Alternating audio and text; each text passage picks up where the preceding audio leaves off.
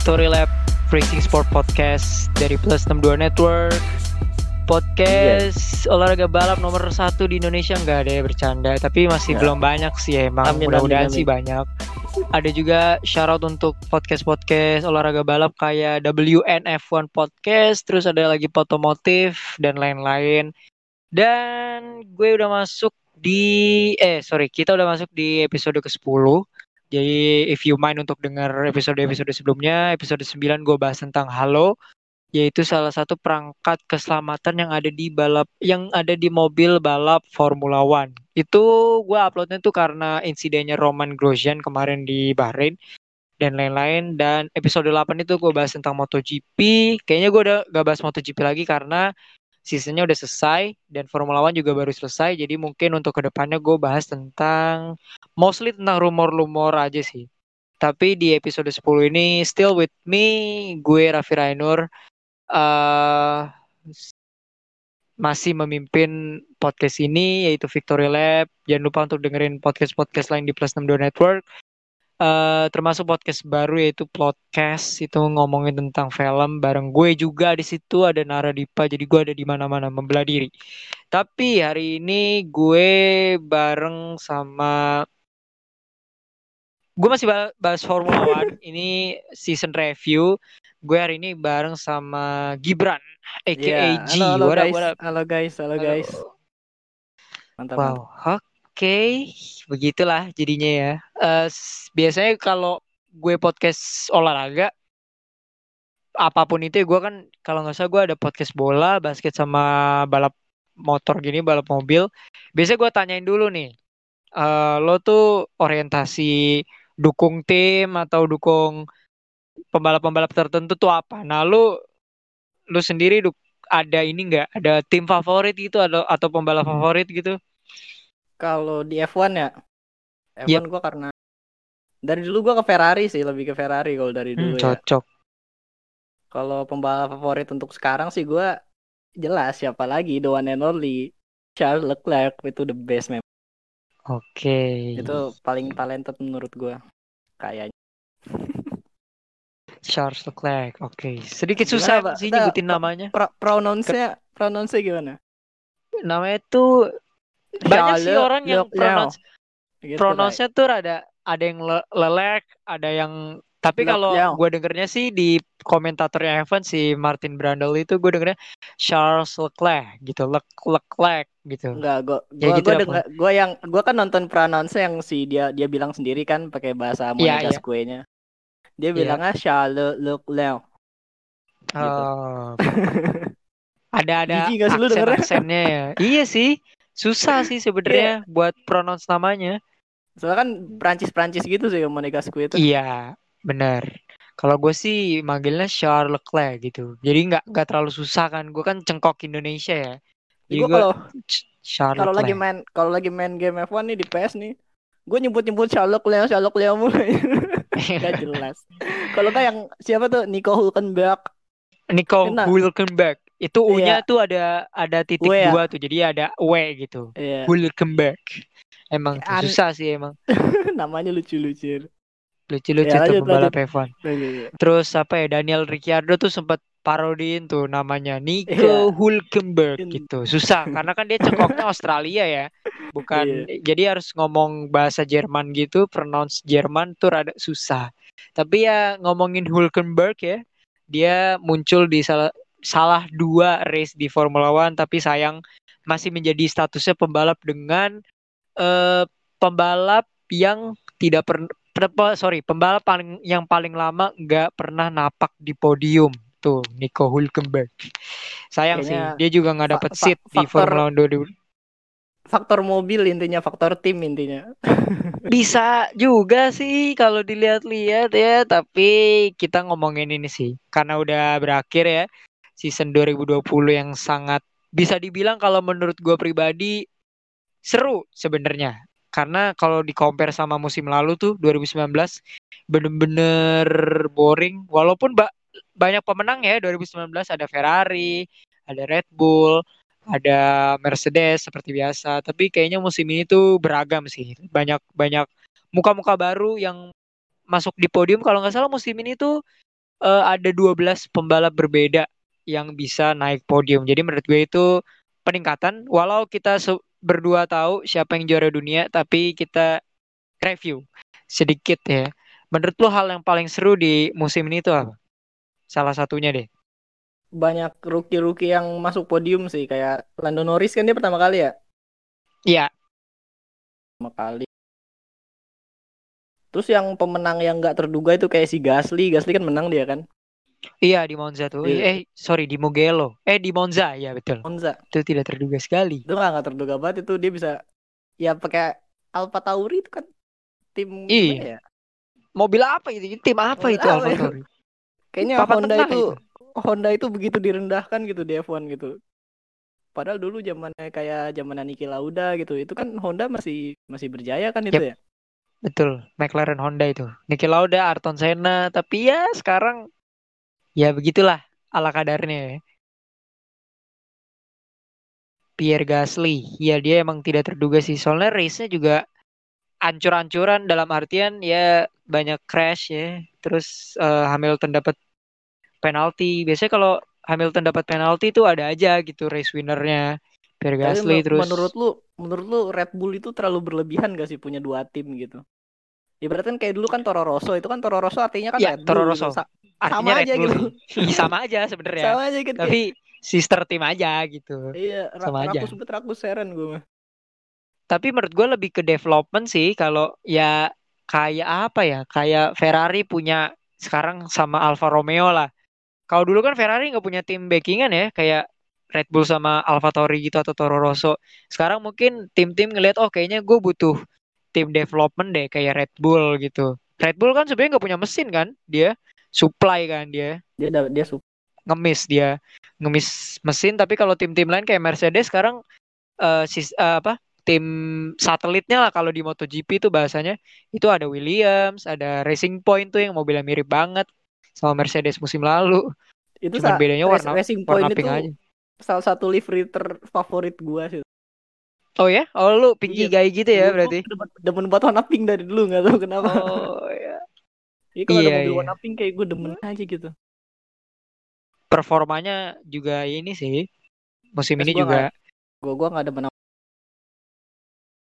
Gue bukan gue gue demen si Charles Leclerc itu karena dia bilang sendiri katanya basicnya bukan dari keluarga yang kaya banget kan Oh. Jadi bukan tipe-tipe pembalap uang bapak gitu kayak si Lance Stroll oh, gitu. Oh iya. Jadi gue lebih tertarik sama si Leclerc dari situnya mungkin.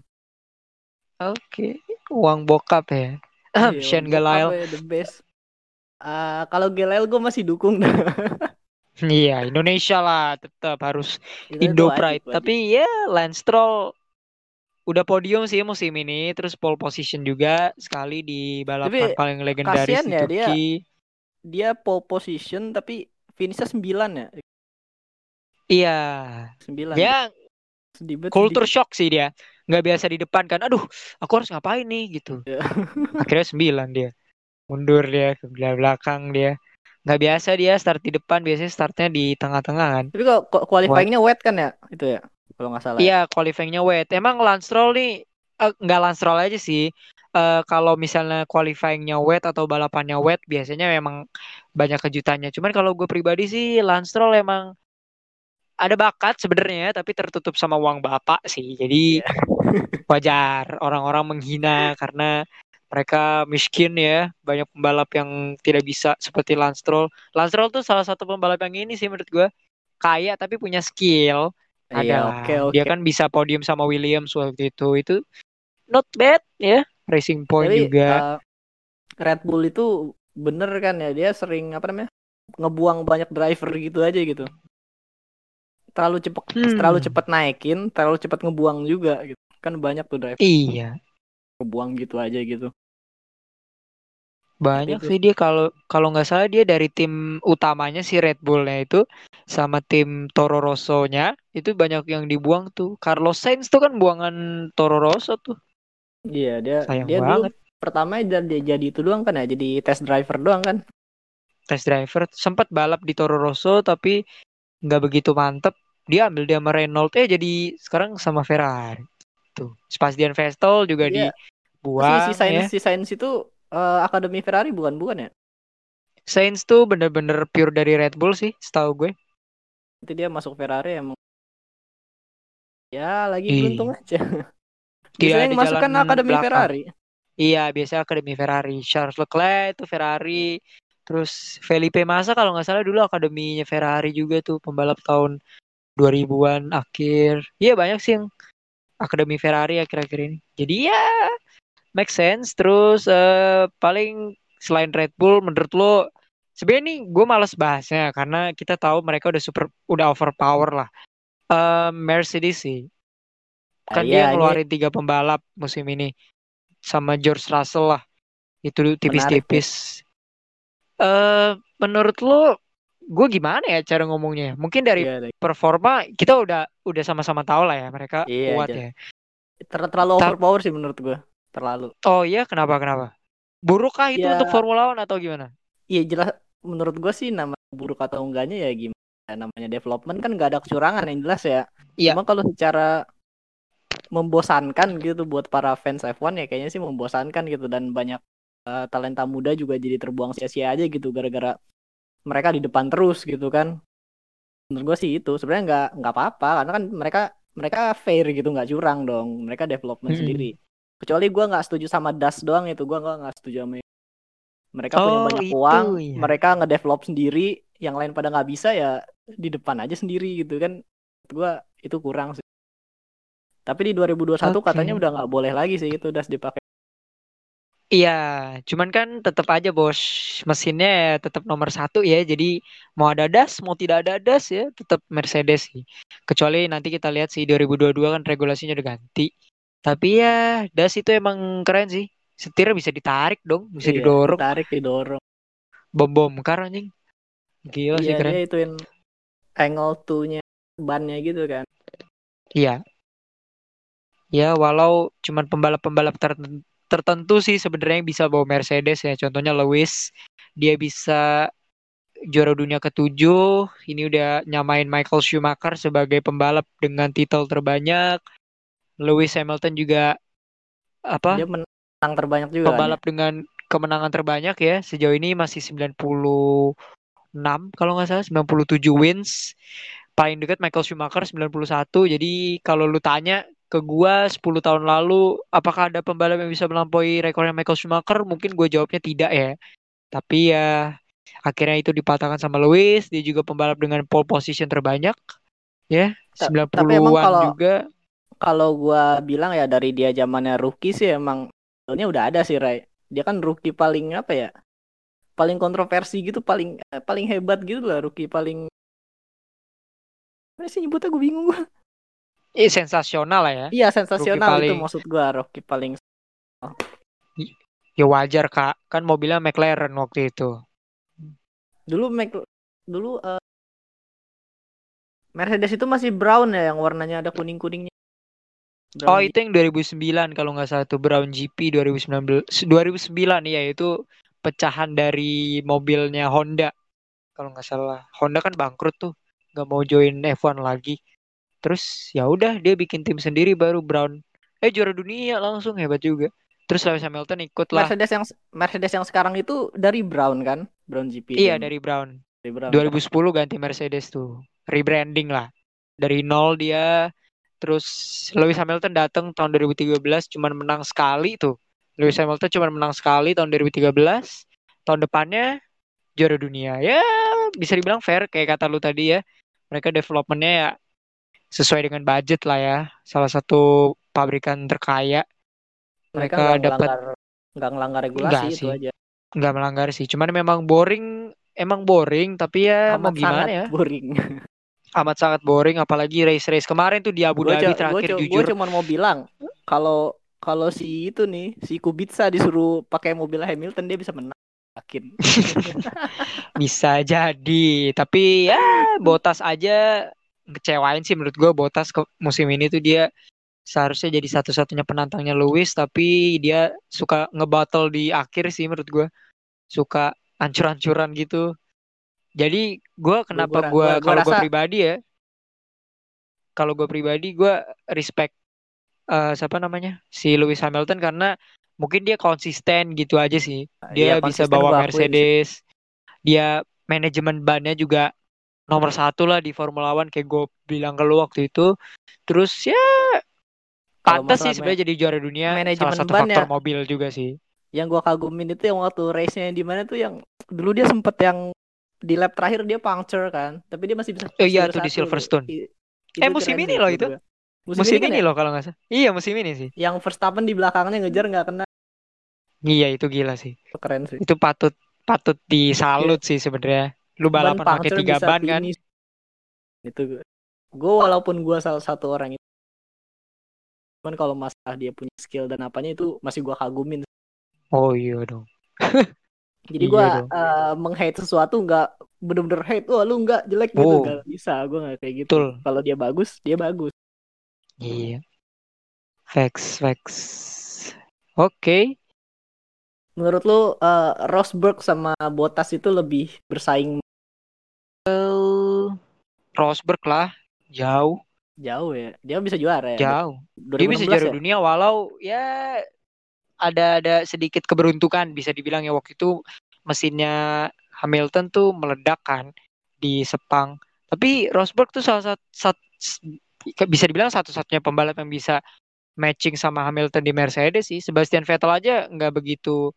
Ini sih waktu itu 2017 tuh Vettel ya lumayan lah. Tapi kalau dibandingin sama Bottas, mohon maaf saudara, menurut saya mah Nico Rosberg jauh sih. Bottas tuh untung-untungan aja sih dia di Mercedes. skillnya skillnya nggak seberapa sih menurut gue ya kalau dia pun pakai tim papan tengah apa menurut gue ya Justru menurut gue Bottas dulu bagus pas di Williams. Mungkin terlalu cepat sih dia dapat mobil Mercedes ya. Karena kan Mercedes kan waktu itu Rosberg langsung pensiun tuh. Jadi ya panic panic buying lah bahasanya. Panic buying. Skillnya- eh skillnya dapat Bottas deh. skillnya belum keasah Iya betul. Langsung dapat mobil kenceng. Bagus sih. Cuman ya untuk melawan Hamilton mungkin belum cukup ya. Kalau menurut lo, lo pilih Rosberg atau Bottas? Rosberg lah ya. Bottas udah berapa tahun sih di itu 2017, 18, 19, 20 udah empat musim lah di di Mercedes. Udah lama. cabut cabut malah sekarang Hamilton bangkunya masih kosong tuh dia ngisi lagi apa? Iya pasti menurut gua ngisi lah. Pasti. Itu dia gimmick aja sih biar orang-orang ah ada apa yang terjadi ya gitu. Gimmick sih. Ya, biar pada semangat gitu kelas yang kelas-kelas bawah pada Tapi kalau lu bisa ngasih satu kursi Mercedes nih misalnya anggap aja ya. Anggap aja Hamilton pensiun tiba-tiba. Tiba-tiba pensiun gitu. Lu mau ngasih satu kursi ini ke misalnya semua pembalap boleh dapet nih kursi ini. Lu mau ngasih kursi Mercedes ini ke siapa? Kursi nomor satu ini. Lando Norris menurut gua Oh. Kenapa tuh? Kenapa tuh? itu salah Sudah pantas salah, kah dia? salah, sa- salah satu rookie favorit gua kedua setelah Leclerc ya. Gua rasa ya dia potensial aja sih. Soalnya siapa do- rookie yang masih bertahan buat 2021 siapa ya? Russell sama Lando Norris doang kan? Sama Leclerc ya? Si itu udah keluar ya? Iya, Albon. si Alex Albon udah lagi minggir dulu gitu. Mungkin karena gua sering nontonin di YouTube ya kayak berempat mereka tuh gitu kayak mereka tuh akrab banget, seru banget gitu. Jadi kalau Ya, menurut oke. lu siapa kira-kira? Gue lebih suka naruh rookie nih di, di soalnya banyak rookie yang mungkin ditaruh tim bagus bisa bagus gitu. Mungkin menurut gue ya. Menurut gua Oke. sih Norris. Justru menurut gua kalau rookie tuh ditaruh di Mercedes kayak George Russell deh misalnya kemarin ya. Menurut gua nggak adil sih untuk seluruh ini ya. Tiba-tiba kan, aduh kamu muda sekali. Tiba- Tiba-tiba langsung cepet gitu kan. Russell kan kemarin dari dari Bahrain satu kan terakhir tuh dia. Tiba-tiba di Bahrain 2 loh. Kok bisa pole position gitu. Kalau gue sih lebih cocok ngasihnya ke Nico Hulkenberg lah, jelas. Nah, dia ada dia udah pengalaman lama sih emang. Iya. Minimal gue naruh ke Sebastian Vettel sih. Vettel tuh pantas banget dapat mobil yang kencang sebenarnya. Ferrari tuh bener-bener aduh gue sebagai fans Ferrari rada nggak nggak pantas sih kita dapat dapat Vettel. Kenapa tuh? Ada satu pertanyaan buat lu. Menurut lu Vettel itu performanya turun karena mobilnya atau memang skill dia yang udah menurun nih? ada konspirasi nih menurut gue ya. Ada konspirasi dari Ferrari atau mungkin Vettelnya udah ogah-ogahan ya main di tapi menurut gue Vettel mah orangnya sepenuh hati ya. Tapi menurut gue ada konspirasi di mana mobil Leclerc sama Vettel itu beda. Maksudnya beda dalam artian si Charles ini dapat mobil yang lebih kencang dibandingkan Vettel. Konspirasinya gitu ya. Tapi menurut gue Vettel nggak turun. Ah dia buktinya masih bisa peringkat kedua kan kemarin di Turki.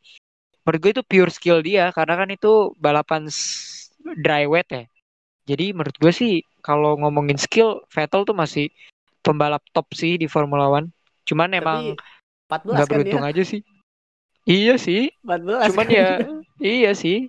Karena kan emang gimana ya Ferrari jelek emang musim ini tapi kalau dilihat dari satu musim lalu deh dia emang cuma menang sekali tapi dia multiple pole position masih kencang cuman emang Ferrari tuh gimana ya mohon maaf. Developmentnya tuh kadang eh uh, sombong kali ya. Mungkin karena manufaktur terbaik juga di Formula One. Jadi mungkin uh, terlalu apa ya? Terlalu aduh gue bingung nih cara ngomongnya nih.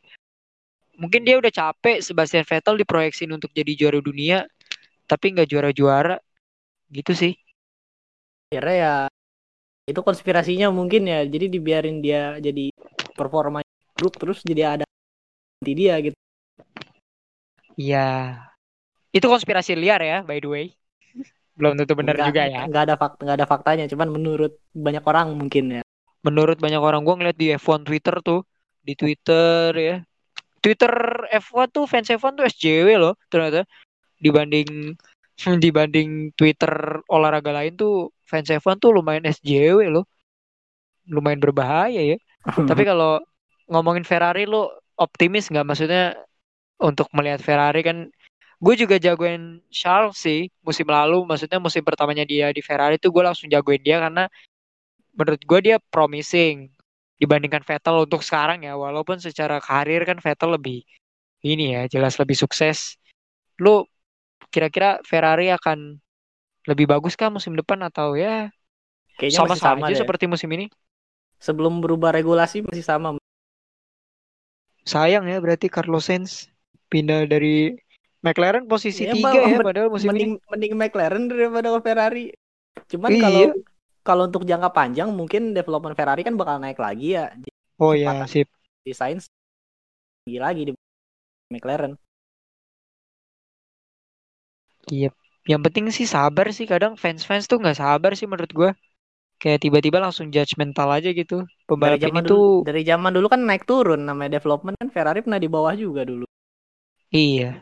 Ya kan ya kita lihat aja ya, era sosial media bos soalnya. Terus um, dikit-dikit hujat. iya tuh dikit-dikit hujat, dikit-dikit hujat. Terus uh, McLaren deh tadi kan kita nyinggung McLaren ya. McLaren nih musim ini menurut gua sebenarnya mereka konsisten sih. Jadi mereka bisa bisa top 3 tapi secara race week tiap minggunya kadang mereka ada yang gak konsisten konsisten ya.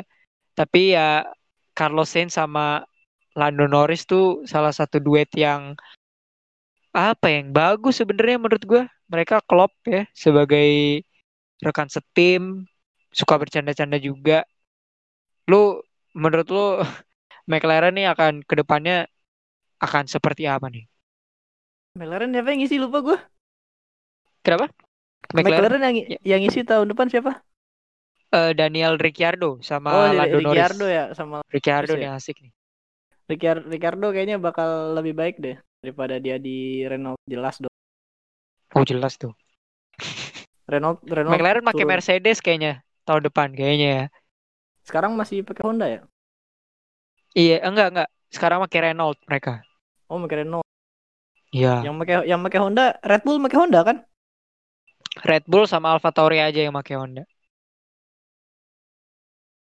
Gua gua yang yang gua sebenarnya gua tuh pengen kayak mereka kan rookie berempat nih kayak si Ford. Iya, pembalap muda lah ya. Gue pengen mereka berempat itu ada di depan gitu. Kayaknya bakal seru gitu kan. Tapi akhirnya ya satu gitu kan. Terus gak lama-lama Russell hilang ini serius. Iya. yeah. George Russell. Dan, dan gue salah satu orang yang gak setuju kalau Perez nge Oh, Karena kenapa si tuh? Albon si Albon itu dia promising banget sih menurut gua. Mungkin di, di tahun ini jelas lah kalah Verstappen jauh banget ya. Menurut gua ya kalau dia Oh. diasah lagi bisa lebih baik si Perez sih menurut gua ya. Menurut gua. Entah kenapa gua kayaknya ngedukung banget empat rookie ini deh kayaknya. Kecuali si George. Tiga. George ini. Russell, oh ya, oke, gua nggak dukung. oke. Karena dia udah pernah di Mercedes ya? Iya, itu dia. Oh, gua, Oke, gua, gua pasti nge-hate orang yang pernah di Mercedes. Iya, curang ya soalnya ya, dapat mobil Aduh. kenceng. Iya. Oke, kalau Pak, kalau gue paling gak setuju kalau kita ngomongin market ya, Yuki Tsunoda tuh yang dari AlphaTauri tuh yang diambil di AlphaTauri.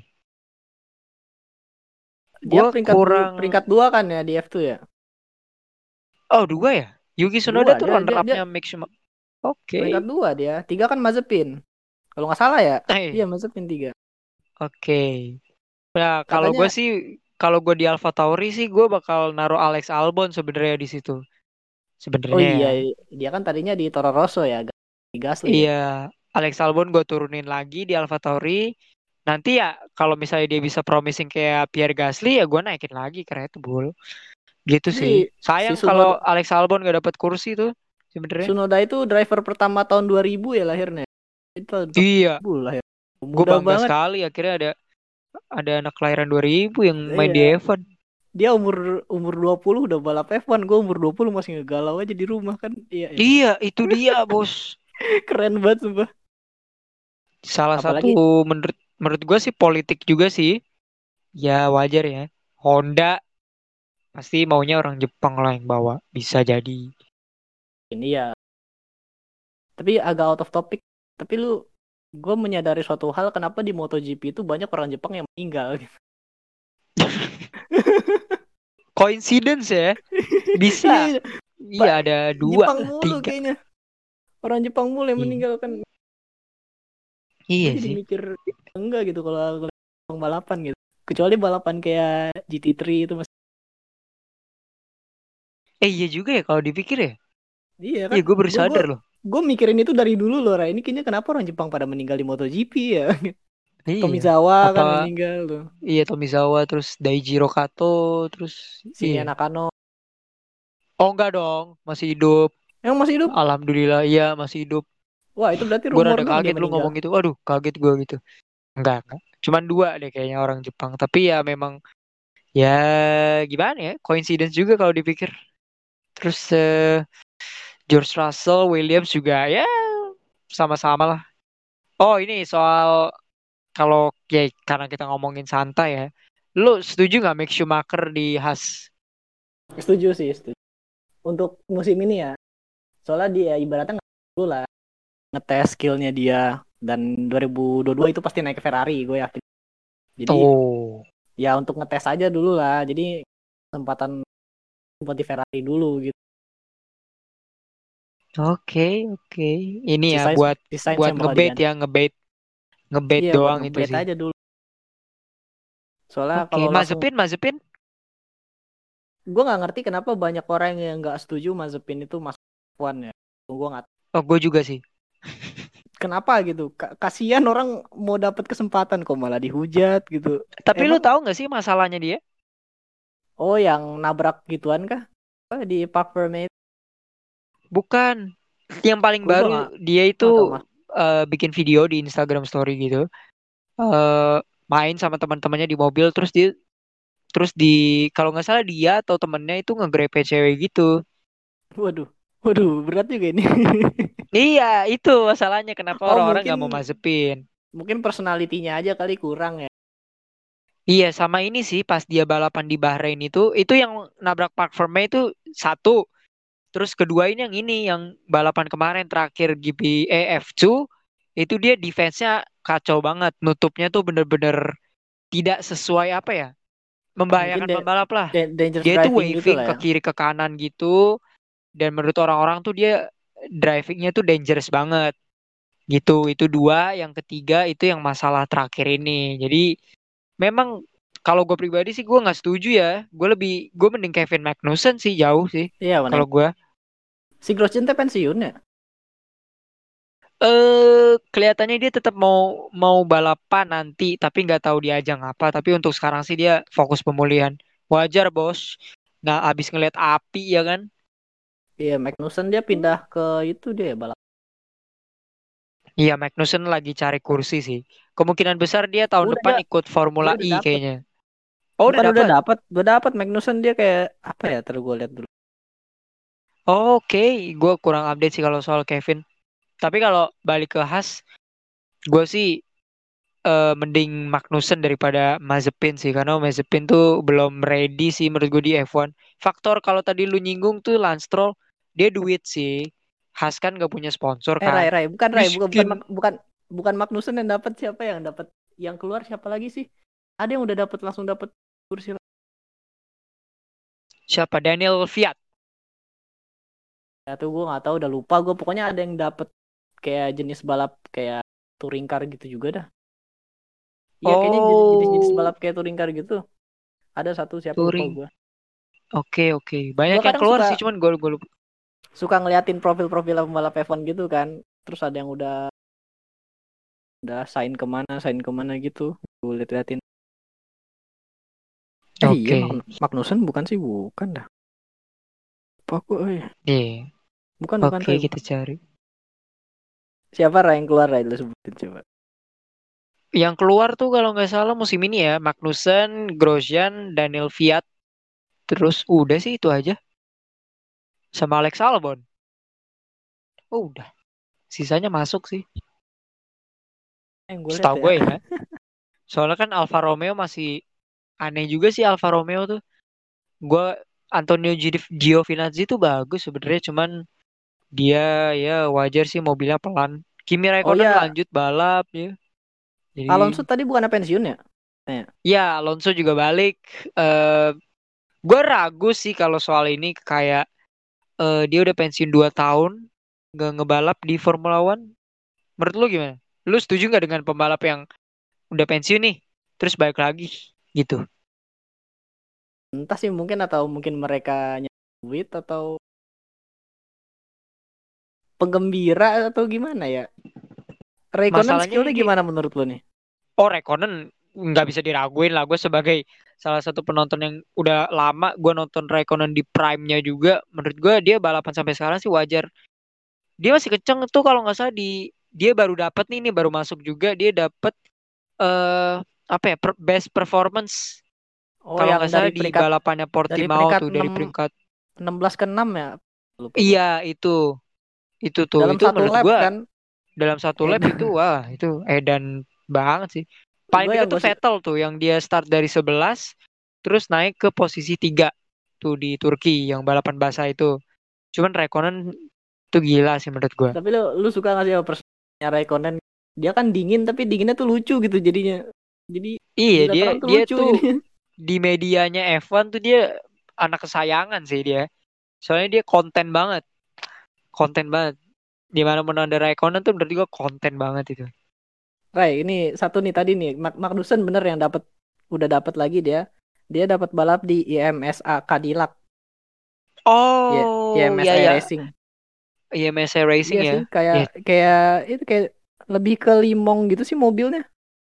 Tapi ada mobil GT juga. Oh, iya mungkin dia nanti proyeksinya mau ikut endurance sih, ikut lemang juga sih kayaknya. Jadi ya sayang sih seorang Kevin Magnussen menurut gue salah satu pembalap F1 yang emang dibilang orang-orang dangerous tapi menurut gue dia ngelakuin itu karena racing sih. Tapi ya, Dia ya let's balap, see. dapat dari situ ya udah gitu mungkin. Iya, jadi ya mungkin ya seperti itulah. Terus ada Renault Kita juga masih ad... kenapa Dari kenapa? tadi belum belum bahas eh, overpowernya Hamilton nih dari tadi belum nih. Kita baru bahas. Eh udah belum sih? Udah, udah. Oh Tapi udah ya.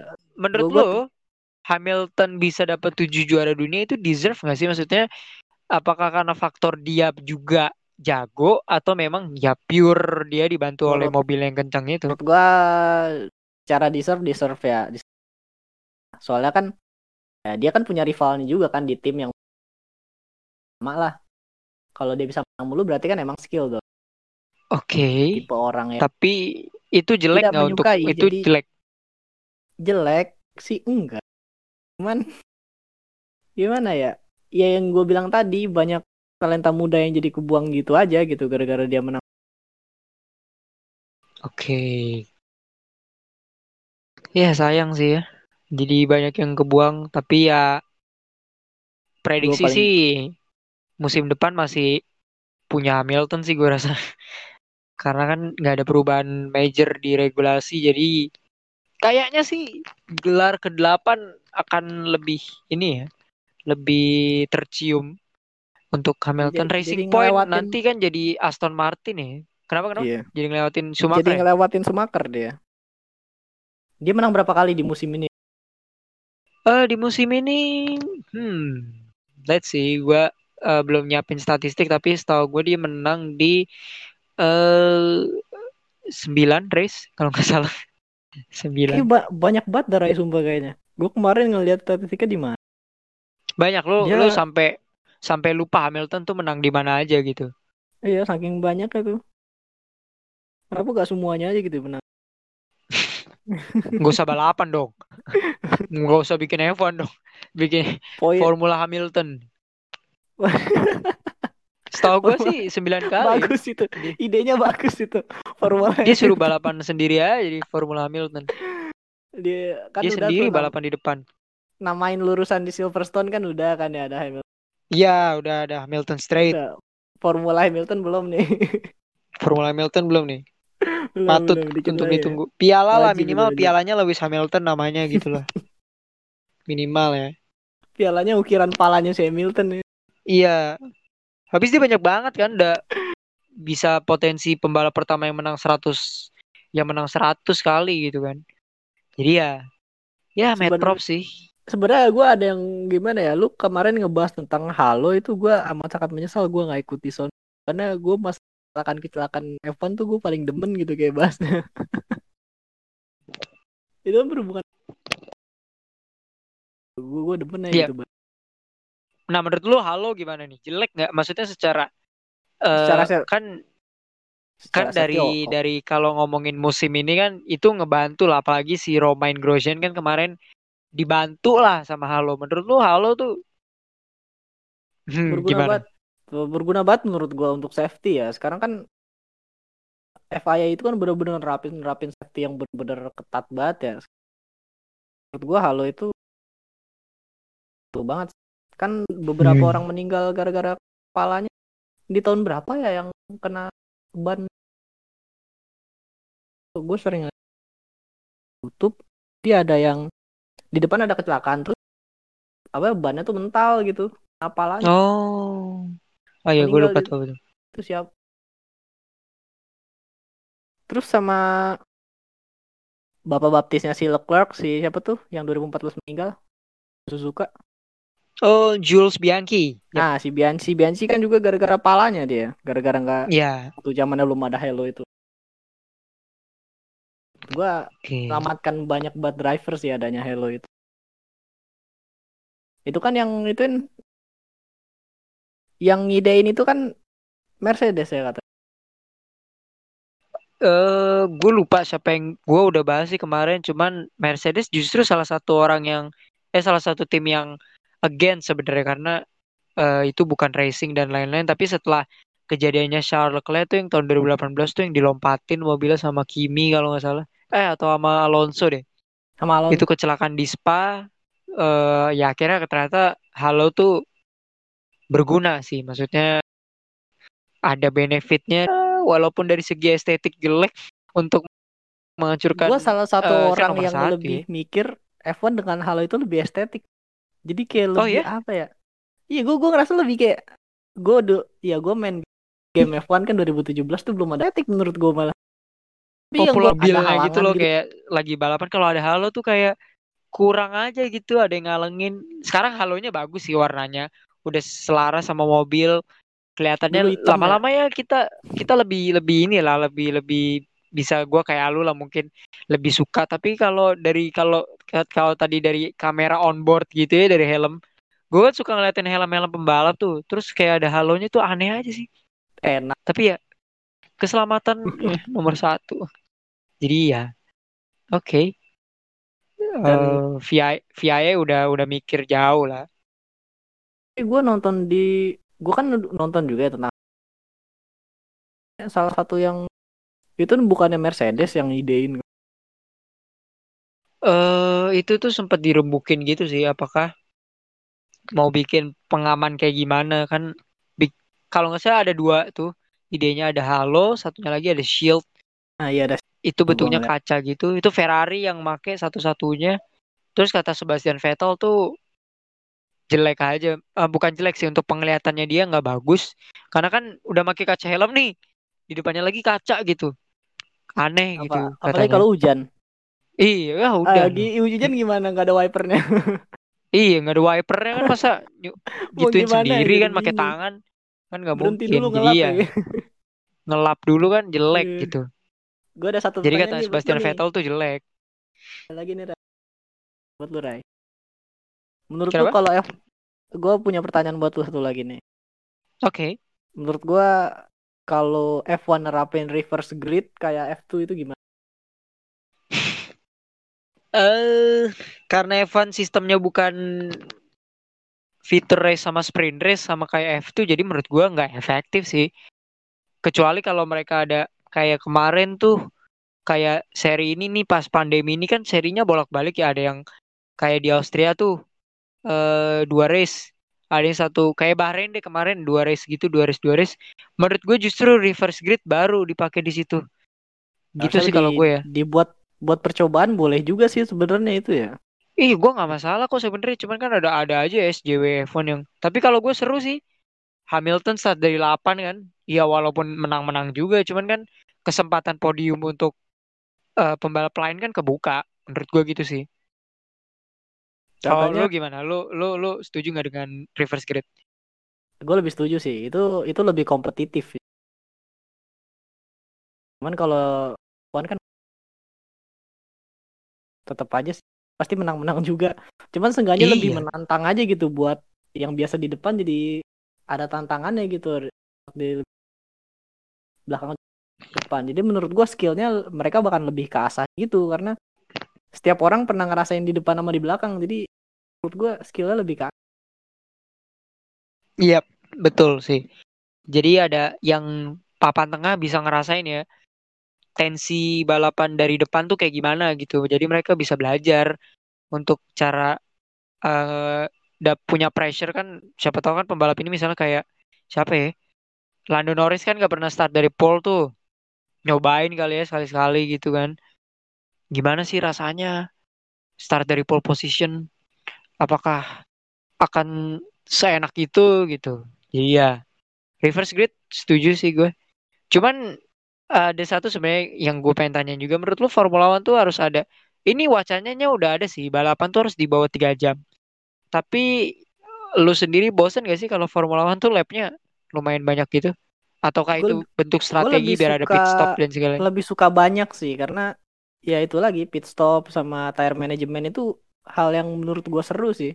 Dibandingin bener-bener balapan yang singkat kayak konstan balapan terus itu kayak mm kayak kurang gitu. Gue lebih suka yang pit stop. Lebih strategi gitu lah kerja timnya lebih kerasa. Jadi kalau untuk long race gue pengen endurance. Kayak balapan endurance juga gue salut aja sih sama orang yang balapan endurance bisa 24 jam gitu deh oh jelas itu beda alam sih itu udah udah buatan buatan fisiknya udah udah gila-gilaan sih 2022 sih yang masif tuh berubahnya mobilnya jadi mobil futuristik gitu sih setahu gue mobilnya lu kalau lu tipe-tipe orang yang setuju balapan akan lebih futuristik atau tetap tradisional Ah, I love tradisional man. Gue ya, pengen sama. F1 balik ke V10. Ya maksudnya ya emang jahat sih tapi ya esensi balapannya itu bakal dapet di situ sih menurut gue. Ya kan Suara, kita peduli, itu peduli dengan lingkungan ya, ya tapi kan Suaranya itu suaranya kita tuh gitu aduh. manis banget sih Ray sumpah Ray. Kemarin kalau nggak salah tuh Fernando Alonso nyobain mobil Renault R25 tuh yang tahun 2005 mobilnya. Kalau dilihat dari onboardnya emang kecil sih ya ternyata mobil 2005 tuh iya, depannya. Lebih, Gua nggak tahu lebih ya. sebenarnya- ramping. Sebenarnya gue kan di di gue balik lagi ke game ya. Di game F1 itu kan ada mobil jadulnya juga ya dan. Yep. Buat itu handlingnya ber kayak 2000 yang 2019 tuh kayak berat banget handlingnya dibandingin yang 2005 2004 gitu. Itu di game Iya, ya mungkin enteng di, ya. di, as- di aslinya juga mirip kali ya. Handlingnya beda banget Ray itu kalau di game tuh. Mungkin sama kali ya. Aslinya juga kayak gitu. Mungkin karena sekarang Suaranya juga sih kacau sih. Sekarang prosedur safety-nya itu udah makin banyak kayak adanya fire extinguisher di dalam mobilnya kan yang ditarik Iya. itu. yang di logo Jadi E makin itu berat. kan kalau logo Yap. E itu yang di itu kan itu buat buat fire extinguisher terus yang N yang di depan itu itu buat netralin clutch-nya biar kalau mobilnya terbalik jadi dibaliknya itu gampang itu banyak banget regulasi dari FIA mungkin yang bikin mobil itu tambah berat sih cuman safety Iya. memang lebih safety menurut tapi gue Cuman lebih suka ya F1 yang dari dulu sih. esensi balapnya kurang dapet ya gitu. Jadi iya. ya Lewis Hamilton pun waktu itu juga kemarin tuh dia dengar suara mobil Vitanya dia bilang awesome gitu. Dia mau balik lagi. Kalau bisa F1 bisa V10 lagi dia mau. Tapi ya regulasi berubah. Minimal sih gue V8 sih. Iya. V8 itu menurut gue itu udah paling minimal. Ya mobil-mobil masih Sekarang- suara tahun 2013 sekarang 4 Gua nggak silinder ya eh kalau nggak salah oh wait wait wait V6 eh ya 4 silinder kalau nggak salah kalau hybrid V6 kan 6 silinder dong Oh 6 silinder. Oh enggak enggak enggak 4 silinder dong, masih V6 sih. masih Dia V6 enggak, 6 enggak. silinder ya ah. 1000 1300 cc kan Mm-mm. udah kayak Agia anjir sumpah Tapi kenceng loh. Iya, Justru memang, lap po- time. Iya. powernya memang beda cuman kalau dilihat dari cc-nya gimana ya cuma kalau dari HP-nya Iya. memang secara horsepower itu lebih, ya F1 sekarang tuh lebih gede loh dari zaman zaman 2000 horsepower lebih gede jauh cuma gua Iya, mobil kenapa- sekarang tuh mobil 2000 mobil yang sejak 2017 nih kan mobil sejak 2017 nih yang lebar ini. Ini tuh mobil F1 terkenceng sepanjang masa sih. horsepower juga ningkat banget Iya. Dengan itu yang tadi lo sebutkan ya tetap aja menang Mercedes ya mau gimana? iya udah udah gue kalau udah bahas Mercedes gue tuh pengen ngelupain Iya. ya pengen ngelupain orang yang namanya Hamilton gitu gue pengen gue nggak tahu dia gitu gue gue udah malas Iya. Mending ping mending ping Mercedes sih Racing Point. Ini Iya sedikit sih Racing Point mereka pindah jadi Aston Martin. Namanya doang sih tapi nggak disuplai Aston Martin banget. Vettel sama Lance Stroll. Lucu sih line up-nya tapi lo kira-kira Vettel bisa konten nggak menurut lo di apa di Aston Martin? menurut gue kayaknya Vettel memang udah saatnya ada di posisi bawah dah posisi itu Oh. dia udah nggak akan bersaing lagi di atas. Ya menurut gue udah nggak bersaing di atas lagi menurut gue ya. Udah beda banget kayaknya. Itu opini gue sih mungkin buat orang fansnya Vettel beda cuma menurut gue begitu. Udah bukan eranya lagi Asik. Bukan cukup, era lo lagi Vettel.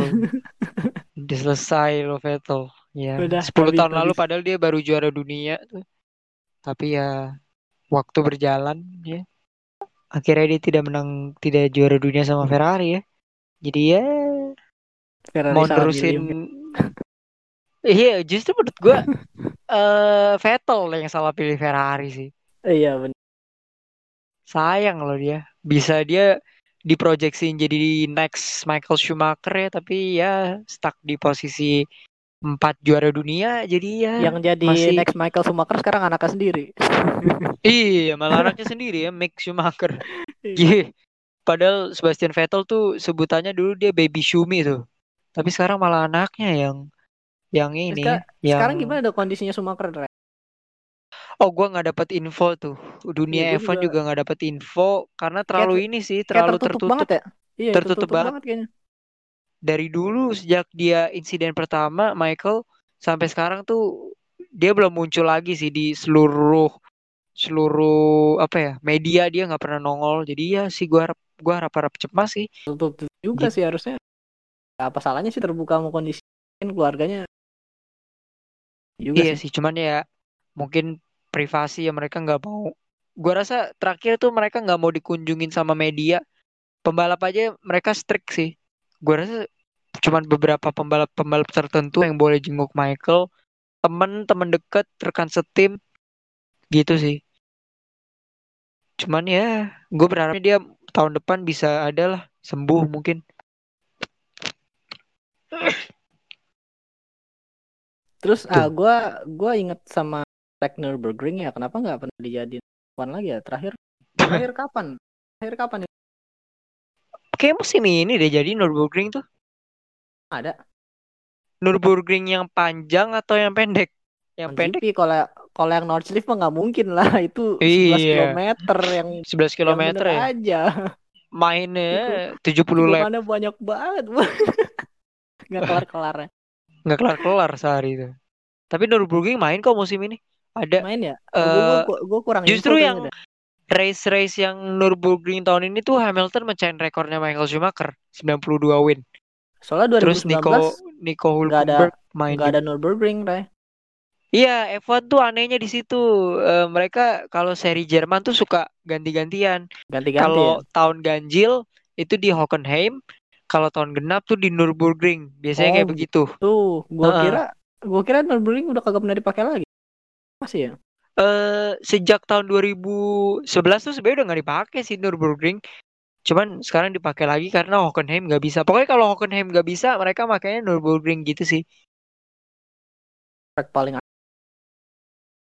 untuk seluruh seluruh sport ya mobil itu Nurburgring karena setiap mobil baru yang dites pasti tesnya di Nurburgring itu bener-bener mm-hmm. Proper banget buat ngetes mobil. Dan gua kalau main game juga suka main Project Cars gitu kan main game-game aja gitu gabut oh. sendiri. Di Nurburgring ya? iya soalnya panjang banget treknya cuman emang paling berbahaya sih emang. Iyalah, barrier di mana-mana ya. Sedikit barrier, sedikit. kecil banget maksudnya kalau biasa kan track grassnya itu banyak ya baru ke barrier ya. Iya. Ini mah grass sedikit Ini langsung barrier, barrier gitu. Gimana kalau melintir dikit ya udah selesai gitu hidup lu iya. langsung bangun-bangun entah di mana gitu. Tapi kalau Tapi... lu track track yang paling lu suka di di kalender Formula One tuh apa? Uh, Spa Francorchamps itu paling Yes, mantap itu gue, gue paling suka sama tikungan yang naik tuh yang tikungan kedua kan pertama kan yang belok terus yang agak naik gitu loh oke okay. itu tuh itu kayak nah, karena gue sering kayak gue rasa enak aja gitu. Spa ya Monza gue juga enak. Mau yang Monza, track yang, Monza. track yang banyak si Ken tuh gue suka gitu. Kayak belok tuh enak aja gitu. Enak ya betul. iya. Dilihatnya estetik aja gitu. Iya ya Monza Spa sirkuit-sirkuit lama ya.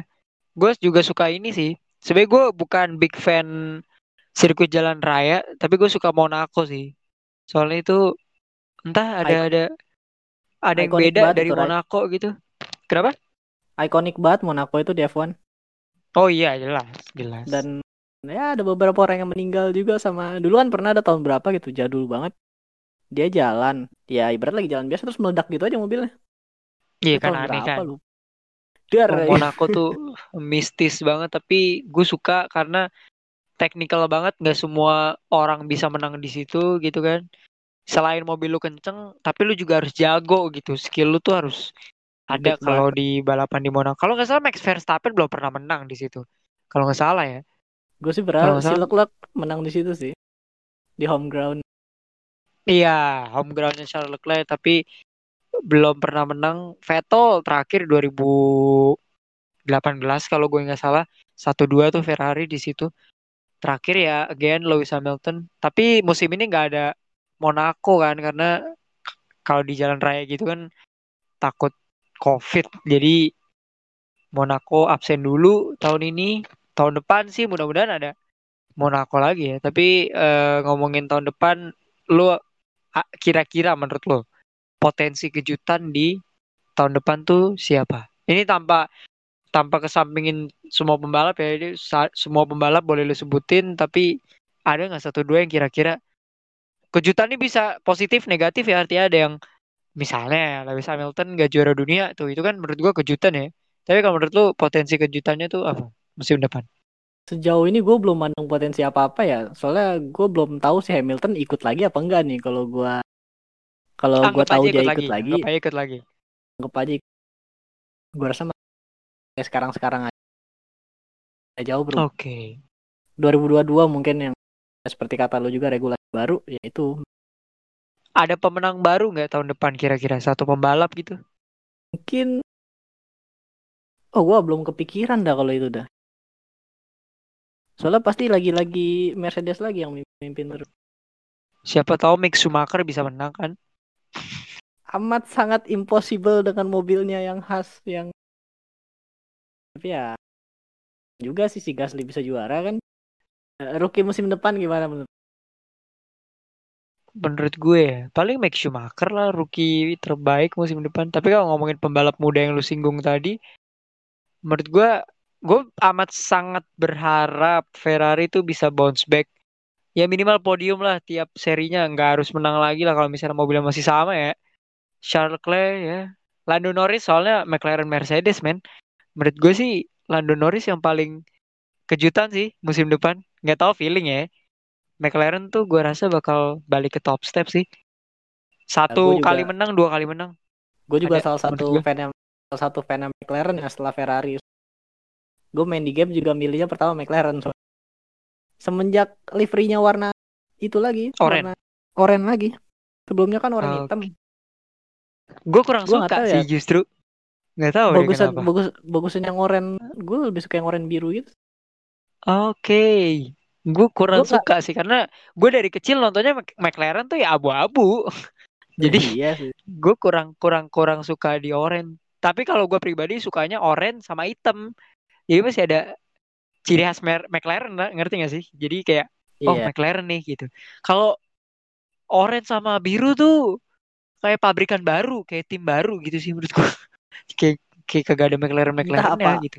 apa gua orang tipe-tipe orang yang lebih suka sesuatu yang eye catching atau gimana gua nggak tahu sih Oke. pokoknya setiap ada livery yang unik kayaknya gue suka gitu bawa Oh iya, setuju kalau gue itu. setuju emang, lucu sih. Alfa Tauri itu menurut gue livery paling bagus musim ini tuh Alfa Tauri menurut gue. gue lebih ke Alfa Romeo Alfa Romeo ya. Alfa Tauri gue suka tuh. Penadanan Alfa Romeo- warnanya. Alfa Romeo kan dia ada ada logo Alfa Romeo Iya. Alfa Romeo ya. Tapi yang pasok pesinnya bukan Alfa Romeo malah Ferrari ya. Lucu juga sih tim-tim Evan. Oke, em, ya kita lihat sih nanti musim depan apa yang terjadi ya. Masih lama sih, masih bulan Maret tapi masih layak ditunggu kira-kira kejutan apa lagi dari bulan ini apa ya? Desember, nanti Januari, Februari. Januari itu udah mulai luncur livery livery baru ya. ngetes ngetes gitu ya testing testing di Catalunya tuh biasanya.